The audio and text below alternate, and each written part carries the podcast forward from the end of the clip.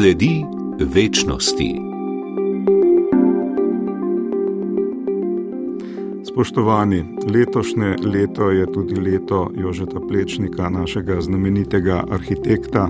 Obeležujemo 150. obletnico njegovega rojstva. Jože Plečnik je veliko svojih del opravil tudi v Ljubljani in tudi za Bežigradom. Namreč danes bomo obravnavali knjigo, lahko bi rekli zbornik, z naslovom Plečnik živim in mrtvim, s podnaslovom Plečnikova crkva za Bežigradom in arhitektove vizije za območje pokopališča. To knjigo je izdala založba Brat Frančišek in uredil jo je katoliški duhovnik, frančiškan, dr. Andraš Arko, ki je bil do poletja, letošnjega poletja, župnik v Ljubljani, Bežigrad. Gospod Arko, knjiga je zdaj šla, izjemno lepo, bogato je ilustrirana, ima več poglavi, govori pa o zgodovini, pravzaprav lahko rečemo, Bežigrada in pa vizijah, kot ste zapisali v podnaslovu znamenitega arhitekta Plečnika, ki se pa potem niso uresničile oziroma samo delno so se uresničile.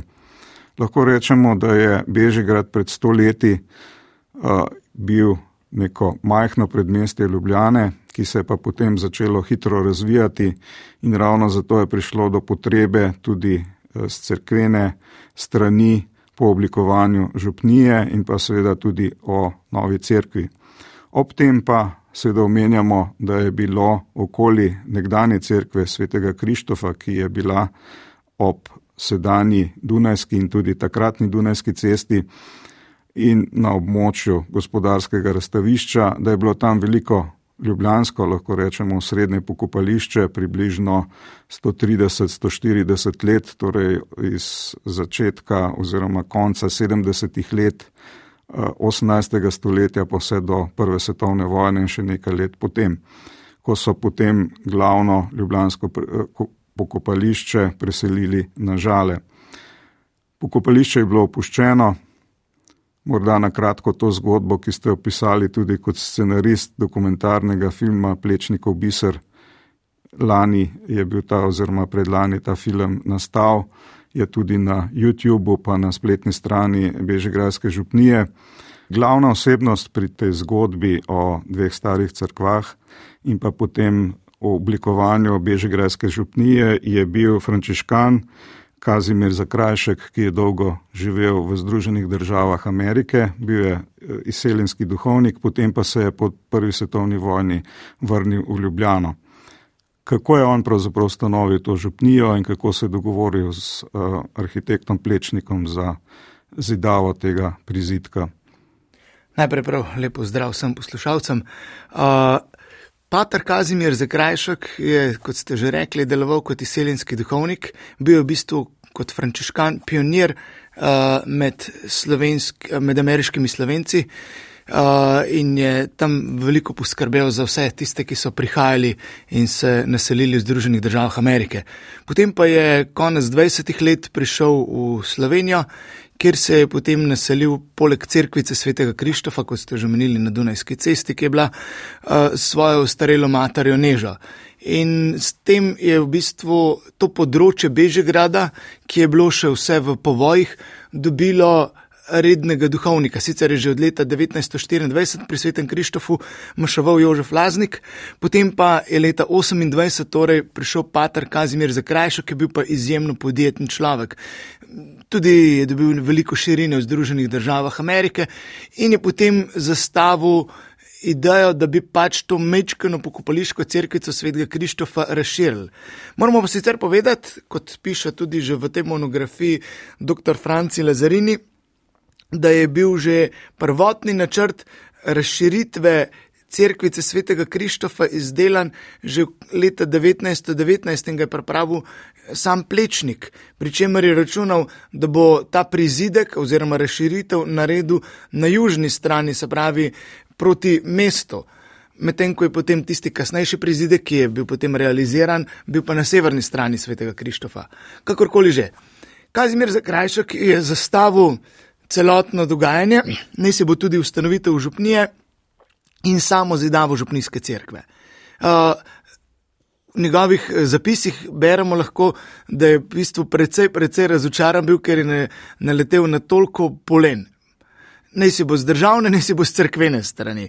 In je napisal, da je ne mogoče in si ne more predstavljati, kako tukaj zdaj v tej kraljevini Jugoslaviji, uh, ki je vendarle krščanska država, Slovenija celo katoliška, in da, ne, da je toliko težav med tem, ker v tej poganski Ameriki bi to zrihtali v enem tednu. Vso administracijo, vse bi šlo. Pač uh, ga je to šokiralo. In je, in je te stvari v bistvu kar se trudil peljati. Uh, Tako, da je najprej ustanovitev župnije, potem pa samo gradnje cerkve.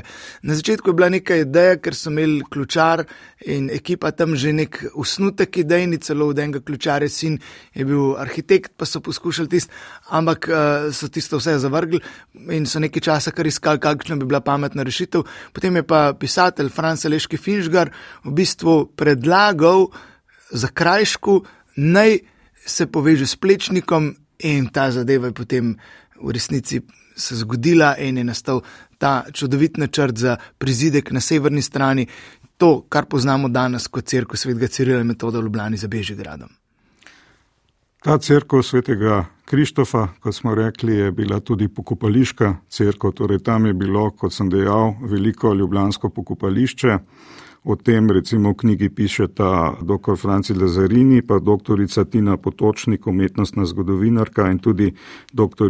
Tanja Simonič Korošak, krajinska arhitektka. Namreč to pokopališče je bilo opuščeno, delno so ljudi oziroma njihove posmrtne ostanke preselili na druga pokopališča, predvsem na žale seveda in potem so te nagrobnike podrli in je bilo vprašanje, kaj s tem prostorom. Plečnik je imel velike načrte. Morda na kratko o tem, tako imenovanem hramu slave. Ja, to je bil pač celostni načrt za to področje. Že leta 1932 je imel idejo, da bi tam v resnici postavili morda celo novo stolnico, imenovano pač hram slave. In tudi ta prizidek, da se vrnemo mogoče nekaj korakov nazaj, samo, ki ga je naredil k cerkvici svetega Krištofa, se pravi cerkvi svetega Cirila metoda, je bila samo mišljena kot neka prehodna faza. Ko bi bil zgrajen hram slave, bi v bistvu cerkva svetega Cirila metoda postala župnijska dvorana.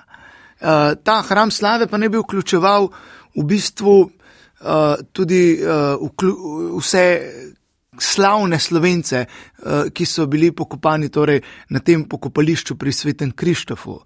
Eh, seveda se ta zadeva ni zgodila, eh, še posebej zato, ne, ker je pač vodo padlo, ker se je Ljubljanska škofija odločila za gradnjo Baragove, Baragovega semenišča se na tem področju. Na tistem področju bi stalo, območju bi stala ta velika crkva. Oziroma, mečkano bliže, morda nekje ne, nekaj metrov bolj proti Dunajski, ampak nekje približno tam. Ja. In potem, kot ste dejali, eh, pride do gradnje Barogovega semenišča, torej na eh, tem zemljišču nekdanjega pokopališča. To je bila seveda za Ljubljano takratno zelo velika gradna in tudi zelo zanimive stavbe, torej okrogle oziroma nekako v obliki grške črke Omega. Tja so želeli premestiti praktično vse semeniščnike ampak seveda ta stavba, kot sami dobro vemo, kot stoji še danes, je bila zgrajena samo, lahko bi rekli, na pol, e, namreč izbruhnila je druga svetovna vojna. Po drugi svetovni vojni seveda oblasti zasežejo to stavbo e, in je seveda namenijo posem drugim namenom, ampak potem se pa pojavi ideja o gradni gospodarskega razstavišča in pa podrtju teh dveh crkva, se pravi stare Krištofove in tega prizidka, eh, nove, se pravi svetega Cirila in metoda. In tukaj nastopi drugi, vaš sobrat Frančiškan, takratni župnik, krizolog Zajc. In on se prizadeva prvo, da ne bi podrli teh dveh crkva ne? in potem pa, da bi zgradili novo crkvo. Kakšna je bila pa ta zgodba? Ja, zdaj, če bi hoteli razumeti bolj celostno, moramo razumeti, da ko je bil Pater Krizolog Zajc eh, še kaplan na Viču v Ljubljani eh, v času druge svetovne vojne, je tudi sodeloval z osvobodilno fronto in je prinašal hrano borcem in tako. Tako da še drugo predzgodbo moramo dati doma iz Dobrove pri Ljubljani. In je bil sosed, oziroma so bili soseščeni z Ivanom Mačkom Matijem in so se tudi poznali osebno. Seveda, potem, ko je pač bilo v igri to, da se bo Bežigrajska crkva rušila, se pravi svet Krištof in Ciril in Metod, in v tistem času je pač krizolog Zajc bil že župnik za Bežigradom, te zadeve niso kaj dost štehle in niso kaj dost pomagale. Vsekakor je zgodba zanimiva. Po izročilu pravijo nekateri stari bežigrajčani, da ne bi patar krizolog Zajc šel celo dvakrat v Beograd k Titu, da ne on posreduje. V tem smislu kot nek, če rečemo, starodavni apel na cesarja, če nižji, nižje ravnine eh, primejo, bomo pa mogoče z najvišjo. Eh, kakorkoli že ni nobenih zgodovinskih dokazov, da je bil v Beogradu. Uh, v nobenih arhivih ni ničesar, ne moramo sedaj tega ne potrditi, ne zanikati. Dejstvo pa je, da se je nekaj zgodilo, da vendarle niso plečnikove cerkve uničili, ampak je bila, lahko rečemo tako, prestavljena na novo lokacijo. Kaj je temu botrovalo? Kakšne so bile na koncu koncev dogovori med oblastjo in e, škofom Vovkom in župnikom krizologom Zajcem, e, ostaja še zmeraj v bistvu neodgovorjeno. Pri snemanju filma, se, ko smo snemali film, dokumentarni film Plečnikov Skriti biser, smo ob tem srečali eh, eno gospo Uršo Heller, ki je hčerka, zdaj že pokojnega Ivana Hellerja, ki je bil precej visoko tudi v Inter-Europi gospodarski zbornici, gospodarskem razstavišču. In kolikor je prišlo lahko do spoznanja, tudi on odigral eno ključnih ulog pri tem, da se Plečnikova crkva ni uničila, ampak da je bila prestavljena na novo lokacijo. Tako da ne vemo točno vse, kdo so bili akteri, na kakšen način se je speljalo. Dejstvo pa je, da ko so začeli leta 1957, januar je Plečnik umrl, decembra so začeli rušiti. Cerk, njegovo crkvo Cirila in metoda, in so jo potem sočasno že začeli graditi na novi lokaciji med Kuzmičevo in vodovodno ulico. Uh, crkvico Svetega Krištofa, starodavno crkvico so pa demolirali. In nihče v bistvu danes skoraj da ne ve od Ljubljančanov, da je na mestu, kjer stoji danes paviljon Jurček, da sta stali tako ja. okrogli, ja. sta, da sta stali crkvi Svetega Cirila Metoda in Svetega Krištofa, oziroma če smo še bolj egzaktni, tam, kjer je ta oblisk na spomin sedmega kongresa Zveze komunistov Jugoslavije, ker so zdaj te eh, video panoji gor, to v bistvu ta obelisk stoji na temeljih zvonika crkvice svetega Krištofa. Če se vrnemo še nazaj na staro pokopališče, Plečnik je imel tudi tam malo drugačne načrte, kot se potem dejansko skazalo v realnosti. Seveda nisi predstavljal gospodarskega razstavišča, ki je bilo potem seveda zgrajeno že po njegovi smrti, ampak nekako so načrtovali park in pa seveda posebni del, ki je potem zdaj postal navje, torej da so spravili nagrobnike vseh, bi rekli, pomembnih ljudi, pomembnih slovencev, pisateljev, kulturnikov, drugih, tudi nekaterih politikov, duhovnikov na navje. Navje je zdaj pravzaprav nek spominski park, ki je ob tem Barogovem semenišču, akademskem kolegiju, kot so rekli prej. Tudi to je bila zanimiva zgodba. Ne? Ja, v bistvu, ko so se vsi ti načrti pač potem izjalovili, oziroma pač ta velika ideja s hramom slave in parkom slavnih, med drugim je tudi načrtoval pokopališče nedolžnih otrok. Je, je, ko je vse to padlo v vodo, je v bistvu moral prestrukturirati celotno zadevo, ko, ko je prišlo dejansko v igro Baragovo semenišče. S tem pa, kako rešiti uh, spomenike in tudi grobove slavnih slovencev, je seveda postala ideja, kako oblikovati navje. Um, moramo pa pre, povedati že to, da je plečnik vključeval uh, nagrobne spomenike tudi že v fasado crkve svetega Cirila in metoda, tega prizidka, torej k svetmu Krištofu. Na severni in vzhodni fasadi so bili torej vzidani nagrobni kamni. Um, Česar danes ni, to je ena redkih stvari, ki ni torej ponovljena uh, z avtentične lokacije. Medtem ko so potem torej na navje prenesli spomenike, uh, po večini, žal pod večino spomenikov ni uh, posmrtnih ostankov, tako ni posmrtnih ostankov, ljudi, naprimer, Blajva je zaresla in tako naprej. Imamo Jrneja Kupitarja, ki je uh, Anton Tomaš Linhard, uh, ampak redki, no, niso, niso pa. Ampak gre pa za to, da je urejen park, spominski park uh, velikih slovencev, ki je žal, uh, moramo reči, precej zanemarjen. Sicer se govori, da mislim, so v pripravi načrti prenove in da bojo navje uredili, kot dr. Potočnik opojala, v skladu s prvotnimi načrti. Ampak vendarle, računajte, da je danes navje kot res park, kjer so spomeniki najbolj znanih slovencev ne, v katerih se učimo v učbenikih šolskih in tako naprej, merimo njihove knjige in tako, eh, da je to prostor, kjer tudi ljudje pse sprehajajo. Ne. Pa čeprav je zraven na sosednjem, samo, samo čez sprehajalno pot, je prav park za, za, za pse, da se lahko gre sprehajati. Ampak, veste, nimamo enega spoštovanja, ni odnosa do tega, ne, da, bi, da bi tukaj bilo.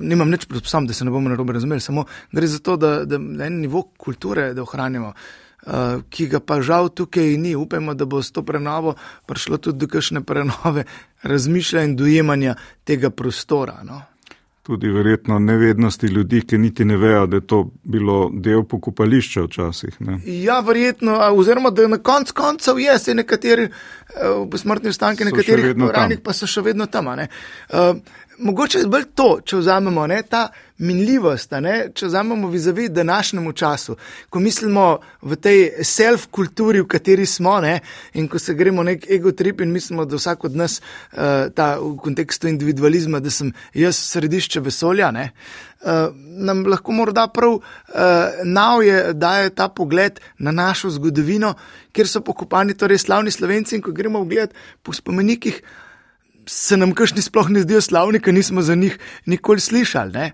Če bi zdaj šel poprečnega Ljubljančana vprašati, kdo je bil eh, dr. Eh, Henrik Edwin Kosta, ne? bi večina ne vedela. Ampak on je bil v svojem času, tako kot je zdaj naš župan, gospod Zoran Jankovič, ki ga vsi poznamo in takrat so tudi njega vsi poznali.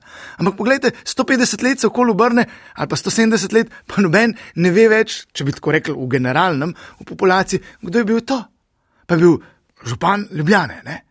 Eh, pomeni tudi govori o tej uh, naši minljivosti, da nas mogoče mečko nastrezne, da ni vse to samo ta trenutek in zdaj le kar nas morda še posebej socialno mreže in celotna scena ne pelje v to, da jaz meni moje in da peljem svoj ego trip. Ampak da se mogoče malo tudi ob tem zamislimo in strezimo, pa rečemo, pa dobro, se mogoče so pa stvari kljub vsemu malo bolj minljive. Celo ob teh kamnih, ki so jih že začel, načel z občasa. No. Sej, konec koncev minljivost se pokaže tudi ravno na tem primeru velikega pokopališča, ljubljanskega pokopališča, osrednjega ki ga zdaj ni več ne, in je na žalah, in verjetno, recimo, ne, da čez par stoletij to taka usoda čaka tudi žale. Ne. To je to. Če, če recimo, na ta način razmišljamo, pogledajte, uh, pokopališče pri Svetem Krištofu so zaprli maja 1906, oziroma nehali tam redno pokopavati in so prav z majem 1906 pričeli pokopavati pri Svetem Križu, pri Cerkvici Svetega Križa, kar se je pozneje poimenovalo torej žale. Če vzamemo 1906, to je dobrih sto let nazaj. Eh? In, in tistega nimamo ne duha, ne sluha o tistem Britofu, ki je torej bil med Dunajsko in današnjo Zupančičevo jamo. Tako ogromno pokopališče, ni praktično ne duha, ne sluha, o tem priča samo še tisti trikotnik navja tam na robu, uh, za katerega pa marsikdo tudi ne ve, kam bi s tem. Ampak to je to in kot ste rekli, lahko se nam zgodi, uh, da ne nam. Lahko se zgodi, da tam, kjer bomo morda sicer mi pokopani, da čez 100-200 let bo nekaj drugega gor na tistem stalo. Tako kot danes stoji gospodarsko razstavišče na nekdanjem pokopališču. Župnija Ljubljana Bežigrad pa je seveda še vedno zelo živa. O tem piše v knjigi tudi vaš frančiškanski sobrat, tudi znan ljubljanski oziroma slovenski duhovnik, dr. Silvin Kranc ki je za Bežegrad prišel leta 1974 kot kaplan in potem je bil župnik kar dolgo vrsto let. On je opisal obdobje, ki je pravzaprav definiralo to novo župnijo, namreč leta 1959 je postal župnik, lahko rečemo, kar karizmatični, izjemno priljubljeni frančiškan dr. Roman Tominc. Njegov brat tudi Angelik je bil duhovnik. Pater Roman, kot so mu vsi ljudje govorili, je bil izjemno zaslužen za razvoj te župnije in pravzaprav tudi jo je popeljal do, bi rekli, skoraj do roba 20. stoletja oziroma začetka 21. stoletja. Pater Roman Tominc je eden od treh duhovnikov, ki smo jih že danes imenovali, bežigrajskih župnikov, ki so dejansko pustili največji pečat. Ustanovitelj župnije Pater Kazimir Zakrajšek, potem Pater Krizolog Zajc, ki je crkvu predstavil in bil v bistvu ključna oseba pri tej dogajanju, in potem Pater dr. Roman Tominc, ki je za njim prevzel župnijo in je potem res dal zagon pastoralnemu življenju. Moramo pa tudi reči, da ne samo da kot eh, kulturni človek in kot izobraženca, ne, uh, je, ni bil samo v tej sferi deloval, ampak je v resnici tudi bil gradbinc, če smemo zdaj tako reči. Namreč eh, eh, postavil je k cerkvi svetega Cirila metoda nov zvonik.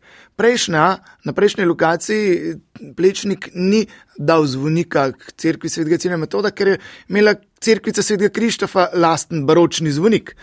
Tukaj je ostala cerkev v bistvu brez zvonika in so v bistvu uh, rešili dve muhi na en mah.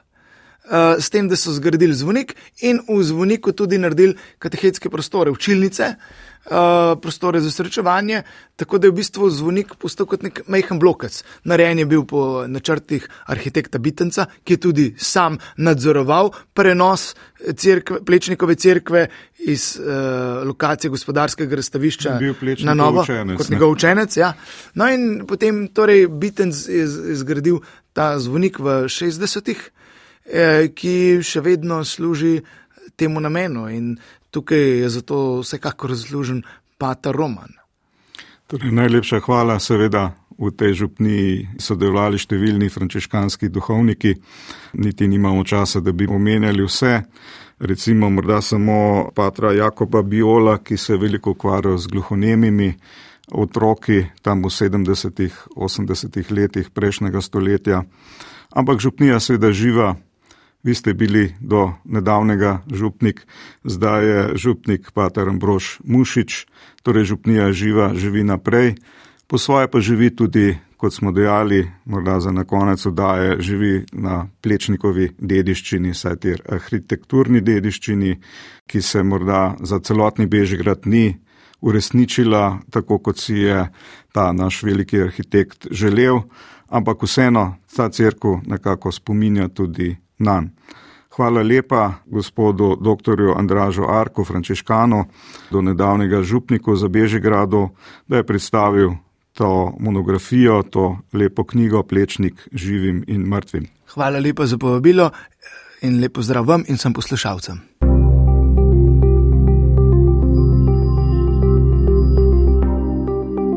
Sledi večnosti.